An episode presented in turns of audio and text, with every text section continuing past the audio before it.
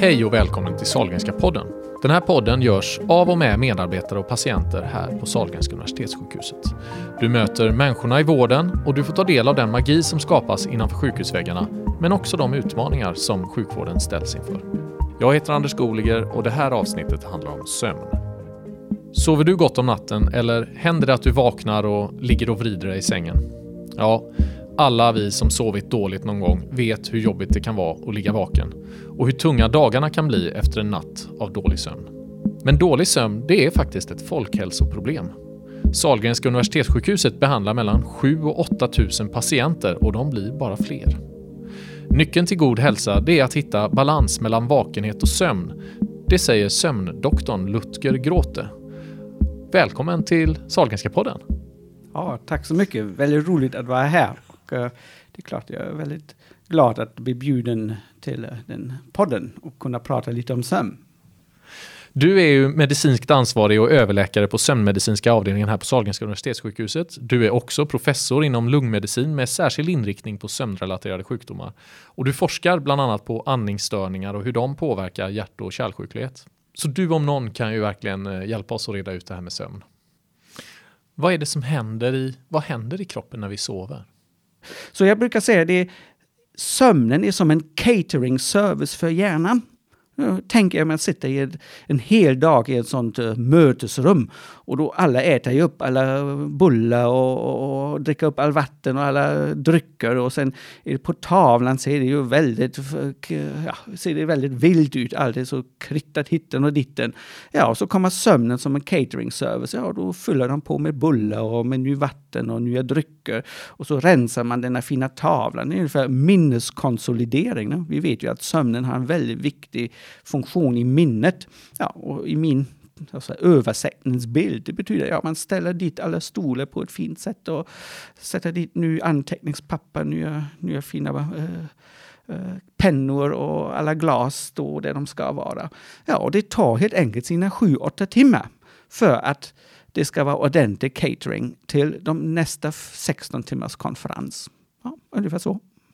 Och det är alltså väldigt enkelt uttryckt dagens ja, neurobiologiska eh, idé om själva sömnen. Sömn som en aktiv process som är viktig för egentligen alla våra funktioner. Från minne, från vårt humör, från eh, uh, vår kreativitet till muskelkraft, till blodtrycksreglering. Så vi behöver sömnen för att det ska vara en väl fungerande och långsiktigt fungerande totalorganism som vi, ja, vi som människor, som djur. Ja, det är så att säga dagens idé om sömn. Men det måste ju ha gjorts eh, sådana här brain scan eller att man tar bilder av hur ser det ut så, så här, impulsen om du jämför med dag och natt? Ja, Vad man, sker inne i? Ja, självklart är så. Det enklaste att titta på är ju hjärnströmsaktivitet. Och det är det gamla sättet att överhuvudtaget kvantifiera sömnen och kunna mäta sömnen som man upptäckte 30 och sen på 50-talet började man ha en riktigt fin klassifikation i sömnstadier. Man upptäckte till exempel drömsömnen och djupsömnen. Och då kan man säga att djupsömnen är karaktäriserad av väldigt lågfrekventa men högamplitudiga hjärnströmskurvor. Sen har vi ett annat sömnstadium som är drömsömnen. Och då ser vi plötsligt i Järnströmskurvorna, det är jättesnabba kurvor som har inte så hög amplitud och det ser nästan ut som i vaket tillstånd, där man också har jättemycket snabba vågor. Mycket aktivitet. Så den drömsömnen, där har vi också våra livligaste drömmar. Det är då man flackar med ögonen så ja, här? Exakt, eller? ja. Och då har man samtidigt sådana rapid eye movements som kallas rapid eye movement, REM-sömn. Och det kallas drömsömn på grund av dessa drömmar är så, så, så livliga. Igen, jag brukar säga det är ungefär som dessa drömmar är som svensk midsommar. Allt kan hända. Däremot om man väcker en människa i djupsömnen, då är det tvärtom. Då är det väldigt tråkiga, en tråkig november, grå dag i Göteborg.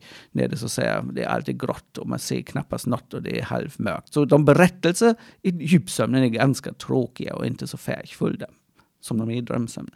Så utifrån hjärnströmskurvorna har vi ett visst intryck hur eh, sömnen har olika stadier och olika tillstånd. Om man sen gör med med funktionsundersökningar med magnetkamera, så kallade spektundersökningar, så ser man att olika delar av hjärnan har olika aktivitetstillstånd även i djupsömn. Och, och det, det, är skiftande aktiviteter i de olika hjärnarealerna. Igen, sömnen är inte en ren passiv tillstånd. Det finns olika aktivitetsmoment. Och igen, vi har inte förstått till 100 procent hur komplicerat och komplext det är uppbyggt. Finns det någon sån här rak studie? Om, om du har en störd sömn, så att säga, dysfunktionell sömn, så har du 30 procent ökad risk för högt blodtryck? Eller? Finns det den typen av? Ja, det finns ju jättestora epidemiologiska studier som visar till exempel samband mellan genomsnittlig sovtid och sen insjuknande i högt blodtryck eller hjärtinfarkt och stroke. Eh, men även dödlighet. Och den visar att eh, om man undanhåller sömnen systematiskt genom mycket aktivitet, det vill säga arbete, långa pendlingsavstånd till arbete till exempel, Eh, så att den totala sömnmängden går under sex timmar i snitt.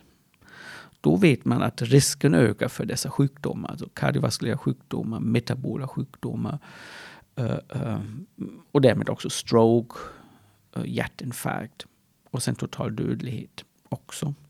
Men det är mer så att man verkligen systematiskt undanhåller, har en livsstil som utgår från att ha mindre och mindre sömn. Å andra sidan, när man har alldeles för mycket sömn så visar dessa tvärsnittsstudier också att man kan ha en ökad dödlighet och då tror man ju att det är framförallt andra samsjukligheter som svåra sjukdomar. Då Till, sover man mer? Ja, exakt. Då sover man mer. Ungefär som vi alla sover mer när vi är förkylda, när vi har en influensa eller när man har en virus i kroppen eller en bakterie som är så att säga infektionen är på gång, ja då sover vi ju alla mer när man har feber. Så det kroppen ställer oss lugnt så att återhämtningen kan ske. Sambandet kan vara det omvända så att säga, ja. att det är sjukligheten ja. som gör att vi sover. Men vad, vad blir det här optimala fönstret då? Mellan, är det mellan 6 och mm. 10 timmar? Eller? Ja, um, man har sammanställt uh, forskningsdata och um, um, amerikanska sömnföreningen har publicerat eh, för förra året, alltså 2016, en bra åldersrelaterat, så att säga, vad den rekommenderade sömnlängden. Och då är det så, vi börjar vårt liv med mycket mer sömn och vi sover i flera cykler per dygn. Alltså ungefär 5, 6, 7 sömncykler och sammanlagda sömnen är 20 timmar. När man är fullvuxen, ungefär 19 års ålder, det vill säga man slutar växa, ja, då är det också så att vår slutliga sovtiden som vuxen blir så att säga betydligt en, en och en halv timme mindre jämfört med tonåren. Och hos fullvuxna säger man sömnbehovet ligger mellan, mellan ungefär 6 och 9 timmar. Där de flesta ligger ungefär runt 7, 7 och en halv timme. Uh, och jag som så att säga, när jag har min sömndoktorsroll, så tycker jag om folk berättar, alltså fullvuxna människor, att de behöver sova mer än nio timmar, så höjer jag lite ögonbryn. Och om någon säger att jag, jag brukar sova mindre än sex timmar, ja då, eller, då, då finns ju risk att man är sömnbristig faktiskt. Sen måste jag också tydligt säga att det finns helt enkelt människor som klarar sig med mindre sömn. Det finns människor som säger att ja, jag behöver inte mer sova än fem timmar eller fyra timmar och jag är hur pigg som helst. Jag har inga problem. Och då kan man säga, ja, good luck, ditt liv, ditt vaket liv är helt enkelt några år längre än hos de andra. Eh, men däremot, eh, och då finns det ingenting som tyder på att det är farligt. Däremot om man aktivt underhåller sömnen helt enkelt genom ja, Alltså, I USA finns det väldigt tydliga studier där man har inte ett jobb, man har två eller tre jobb och sen har man en pendlingsavstånd av en och en halv, två timmar på engångsväg ja, då kan man räkna 10 timmars jobb plus 4 timmars pendling och sen måste man äta och sen vill man också natta sina barn eller säga hej. Ja, då vad sparar man tiden på? Ja, det är ju sömn. Och en sån livsstil, den har visat sig, eller det finns indikation att den är osund. Alla känner väl igen, alla har väl denna mm. obalans någon gång, någon natt i alla fall så att säga. Absolut. Och när blir det en sjukdom som man kommer till dig så att säga? När blir det en patient hos dig? Ja, och då är det så att vi alla, alltså det finns vissa sömnsjukdomar som vi måste, alltså sömnförändringar som är normala. Det räcker med att man till exempel har bråkat med sin käraste eller att man har haft en otrevlig upplevelse på, på arbete eller man, man funderar över någon patientfall och har man gjort rätt? Var det verkligen bra vad jag har gjort? Och då är det så att kanske insomningen blir svårare eller när man vaknar mitt på natten och det blir så istället för en kort uppvakning så plötsligt aktiveras alla dessa sex faktorer. Så, oj, och tänka och tänka och tänka. Så akut insomni har alla människor. Det tillhör. Eh, och det finns en direkt relation till antal stressfaktorer vi har under vaken tid. Så till exempel när jag träffar en patient med sömnstörningar så hälften av mitt samtal är nästan eh, spenderar jag med att försöka få upp hur lever människan på dagen? Alltså hur ser eh, familjesituationen, arbetsplatsen? Har man regelbunden eh, eh, fysisk aktivitet? Har man vissa läkemedel? Har man andra sjukligheter? Och jag vill verkligen veta vad, vad, hur ser dagen ut för att förstå, har detta en samband med sömnen? Och man har akuta sömnstörningar så det, det är okej. Okay. Men det blir ju väldigt besvärligt när man har kanske två, tre dagar i veckan en dålig sömn över tre månader eller sex månader. Och då börjar vi att prata om kroniska sömnstörningar. Tre, sex månader med en tre till fem nätter per vecka som man upplever en sömn, störd sömn. Plus en störd vakenhetsfunktion, ja då får man en diagnos av ja, sömnlöshet eller kroniskt insomni. Och då är det viktigt att man söker ganska snabbt hjälp. Därför det finns hjälp att få. Så att återställa balansen. Och delvis kan det ju bero att man kanske ser över vad gör jag på dagen? Hur kan jag uh, påverka uh, mina, mina dagsysselsättningar? Hur kan jag kanske reducera ett, uh, ett stressnivå? Kan jag lösa någon konflikt? Eller kanske jag börjar bara göra lite mer fysisk aktivitet och, som konstigt nog är sömnfrämjande. Ska, ja, vi kan ju inte skriva ett recept på ett lyckligt liv, men det är viktigt att man reflekterar och ger patienten en öppning till det. Och sen finns andra, om man försöker att förbättra dagsituationen är en sak och det andra är att man, vi försöker att kartlägga, ja, finns det någonting i sömnen som vi kan förbättra? Till exempel finns det dolda andningsuppehåll, finns det så kallade restless legs. Eh, eller kan vi hjälpa patienten att komma bättre in i sömnprocessen och stanna i sömnprocessen. Och då finns det kognitiv beteendeterapi. Alltså man jobbar med sig själv för att få en bättre sömn. Och det är en fantastisk grundbehandling, alltså den första behandlingstrappan. Första steg i behandlingstrappan av kronisk sömnstörning är kognitiv beteendeterapi. Jag jämför det med en matlagningskurs för en diabetiker. Om man har diabetessjukdom så måste man kunna mat bättre än andra för att kunna hantera diabetessjukdomen. Samma är om man har kronisk sömnstörning, kronisk insomni. Då måste man känna lite mer av denna sömnvakenhetsbalans, dessa mekanismer och hur man själv med sitt eget beteende kan påverka det. Vad är nästa steg på den här eh, behandlingstrappan om KBT är nummer ett? Ja, nästa steg är att man, om vi nu ser att det finns kanske en samsjuklighet till sömnstörning, antingen stress på dagtid eller vanligt finns det depression och ångestsjukdomar. Ja, då försöker man ju, om, så, om de inte behandlar alls, då, då är det viktigt att försöka få fram dem. Kronisk smärta kan det vara. Dåligt behandlad astma. Men väldigt ofta är det någon form av psykisk ohälsa. Ångest, depression är de vanligaste. Utbrändhet, utmattning, gå i väggen. Då har man kroniska sömnstörningar. Och då måste man försöka att hjälpa där. Alltså försöka bekämpa en orsak. Sen om man har gått igenom det och hittat någonting eller inte hittat något så finns såklart också läkemedelsbehandling. Det finns läkemedel som så att säga pushar fram sömnsystemet. Klassiska insomningstabletter. Många vet ju exakt, har hört dessa namn. Och, och, dessa insomningstabletter är faktiskt väldigt farmakologiskt otroligt fina läkemedel. De är byggda för att verkligen i denna så att säga gungbräda-modellen eller i vågskalmodellen mm, eh, verkligen stimulera specifikt sömncentret. Problemet är bara att de fungerar endast under en kortare tid eller man tar dem så att säga omväxlande, det vill säga två, tre dagar per vecka max. Då kan de ha en fin långtidseffekt. Men det är inte det första du gör att kasta dig på sömntabletter? Nej, man kan ju tänka om man, om man jobbar på en sömnmedicinsk avdelning att vi hela tiden delar ut sömntabletter höger och vänster, men det gör vi inte faktiskt. Och vi det har, låter nästan tvärtom. Ja, vi försöker att så att säga kringgå. Sen är det ju så Alltså, man, man kan inte generellt säga att läkemedelsbehandling vid kronisk sömnstörning är fel. Det är ju definitivt inte. Man måste göra det att det blir långsiktigt. Kan du förklara vad andningsuppehåll är? Du nämnde det förut. Ja, det är faktiskt en ja, någon, väl, väl, vä, väldigt vanligt förekommande fenomen. Vi alla människor, när vi går från vakenhet till sömnen, så förändras andningsregleringen lite grann och då kan vi alla få kanske en liten kort andningsuppehåll eller vi snarkar lite till. Delvis har vi ett problem att vi har en långt muskulär del i vår andningsväg, alltså mellan näsans ingång och själva luftrören är en ganska lång väg.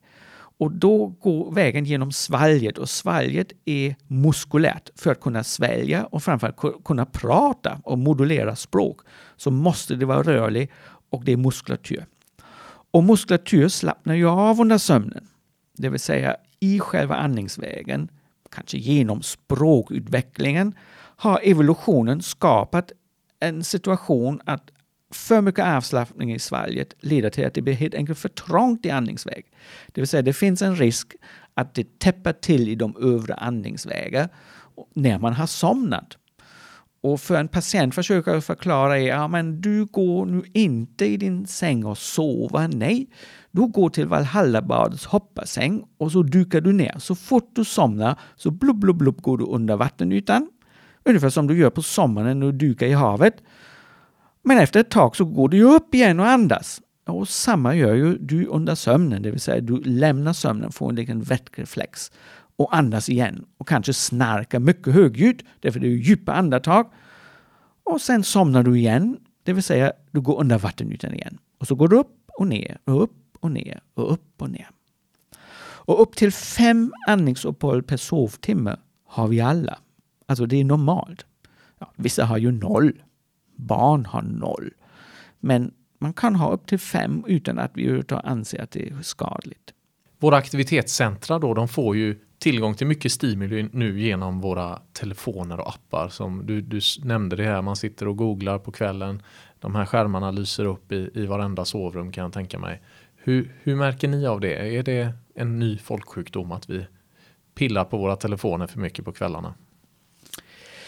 Jag ska inte påstå att jag märker det i, i, i själva... Alltså, det, det är klart, jag har ju många patienter som, som säger att jag har så svårt att somna och, och, och, jag har tvn på eller jag har min iPad på när jag somnar för det är så skönt när det hörs lite grann, då, då somnar jag lättare. Och då kan man säga att det är fel sömnhygien. Man ska inte ha dessa ljuskällor. Därför de förhindrar frisättning av dygnshormonet melatonin. Så, eh, eller de ökar risken att denna frisättning blir fördröjd och därmed blir insomningstillfället ännu mer senare lagd. Så man ska ha det svalt och, och tyst och, och, svart, eh, alltså mörkt i, i, i sovrummet och eh, inte titta på TV i, so, i, i sängen egentligen. Klart, om man sover hur gott som helst och tycker det är jättemysigt då har man ju inget sömnproblem, då kan man ju göra det. Men om man har kronisk sömnstörning så no good idea. Men att jag nu skulle säga att det är var tredje patient som man kan ge denna livsstilsråd, så är det ju definitivt inte. Men forskningen, när man frågar tusen personer eller 2000 personer under alla årens lopp så ser vi att folk somnar senare och senare och senare och senare. Och eh, exposition till mer ljus på kvällen har ju framställts som en av huvudfaktorerna. Och den gruppen som är mest drabbad är ju skol, alltså skolungar och ungdomar och unga vuxna. Du, många inom, många inom sjukvården arbetar ju obekväma arbetstider. Nattarbete är vanligt och nödvändigt för att hålla sjukvården igång dygnet runt hela året. Har du något råd till våra kollegor där ute som jobbar mycket Ja. kvällar och obekväma tider? Det är väldigt viktigt att man har en bra balans mellan sömn och vakenhet, fysisk aktivitet, att man eh, så att säga, är psykiskt också balanserat, inte i en utmattningssituation. Det, är- det, det är väldigt viktigt. Och sen när man så att säga har sina viloperioder så är det väldigt viktigt att försöka tillgodose sig sömnen. Sen när man är in i nattscheman framför allt, alltså när man måste jobba natt, så finns det många forskare, alltså arbetslivsforskare, som rekommenderar att man innan man startar sin nattpass kanske gör ytterligare en till två timmars sömn, försöka att sova för att gå in i nattpasset med relativt lågt sömntryck. Att man inte börjar sitt nattpass trött. Och det kan vara mycket behjälpligt sen efter natten. Så och kroppen klarar ju av att dela upp sin sömn. Man inte måste ha en sömnfas för hela dygnet. Man kan dela upp det no, klassisk siestasömn i Sydeuropa. En livsstil som är tyvärr på väg att försvinna. De är också mer monofasiska sovare nu för tiden. Så tupplur eller dela upp sin, sin när, när arbetet tillåter det går det bra. Och inför nattskiftet kanske ha en halvtimme, timme, en och en halv timme extra sömn för att klara natten bättre. Och kanske detta specifikt efter andra eller tredje eller fjärde natten när sömnbristen kan vara annars jättebesvärligt. Om du vore sjukhusdirektör på Sahlgrenska universitetssjukhuset för en dag, vad skulle du göra då? Oj, det är ju en väldigt bred fråga. Som jag inte riktigt... Du tänker nu ur mitt perspektiv på sömnmedicinsk avdelning. Jag tror jag skulle försöka mm, verksamheten att komma lite mer i balans. Därför vi har en otrolig obalans i själva för, alltså efterfrågan. Så som vi, vi efterfrågar jämfört med den möjligheten vi kan ge vård och framför uppföljning. Det är inte bara att ge en diagnos eller skriva recept eller ge en sån CPAP-mask eller en apnéskena. Det, det är väldigt viktigt att dessa patienter får en ordentlig uppföljning. Och den beskrivningen gäller förmodligen väldigt mycket mer eh, medicinsk sjukvårdsverksamhet. Den här att efterfrågan är ju, tar ju aldrig slut egentligen. Den beskrivningen kan nog många skriva under på. Ja, precis. Och vi, vi försöker ju verkligen att uh, ge evidensbaserad vård hela vägen. Och evidensen visar att vi måste också ha en, en väldigt bra uppföljningsrutin. Och, uh, vi jobbar ju på att till exempel inkorporera till medicinska uh, lösningar för behandlingsuppföljning. Um, och det vad vi också jobbar på är ju med att vi samlar våra gemensamma intressen. Jag jobbar ju som lungläkare med sömn. Och så finns det en neurologverksamhet, uh, uh, otroligt intresserade kollegor inom Eh, neurologin som jobbar med sömnvakenhetsstörningar som narkolepsi. Inom öronkliniken har vi ju mycket kompetens. Alltså, inom, har vi ju förbund, förbunds, eh, eller vad säger våra eh, medstridare mot snarkningen i Göteborg. Och sen är det, vi har kardiologer som har jättestort intresse att upptäcka dessa andningsuppehåll för att ge optimal vård till sina hjärtpatienter. För att se att deras överlevnad eh, och resultat blir mycket bättre. Så vi otroligt, vi är så att säga sömnen förenar så väldigt många olika discipliner och om man nu skulle kunna sammanföra det i en enad struktur, det är kanske någonting som skulle hjälpa oss att nivåstrukturera arbete mycket enklare. Uh, uh, och stärka samarbete och kompetensutnyttjande som, som finns här på Sahlgrenska. För att sedan har jag också se samarbete, jag har föreläst nu uh, förra veckan med, hos psykiatrikliniken och, och jag känner ju av att det är ett jättestort intresse att prata om sömn och där finns ju patienter med otroligt svåra sömnproblem och hur vi kan samföra vårt kunnande Eh, att, att hjälpa de patienter som är kanske till och med mest utsatta i sin sömnproblematik. Uh, och det är en vision som kanske man vill gärna föra mer framåt och, och hitta någon form av eh, ett stort interdisciplinärt sömncentrum där vi kan ta hand om de svårast sjuka på det mest kompetenta och ändamålsenliga och såklart eh, resursrättvisa eh, sättet. De som har mest problem ska få mest hjälp och de åtgärder som kanske behöver mindre eh, komplexitet vi kan ta hand om på ett mer rationellt sätt, till exempel med telemedicin. Tack Lutger Gråte, eh, sömnexpert, forskare och överläkare och professor här på Sahlgrenska Universitetssjukhuset. Jag som intervjuat heter Anders Goliger och är kommunikationsdirektör. Sahlgrenska podden kommer varje månad och jag är nyfiken på vad du tycker om podden. Hör av dig till mig och berätta och tipsa gärna om idéer eller gäster eller ämnen som vi ska ta upp. Tack för att du har lyssnat. Vi hörs snart igen. Sahlgrenska podden, en podcast från Västra Götalandsregionen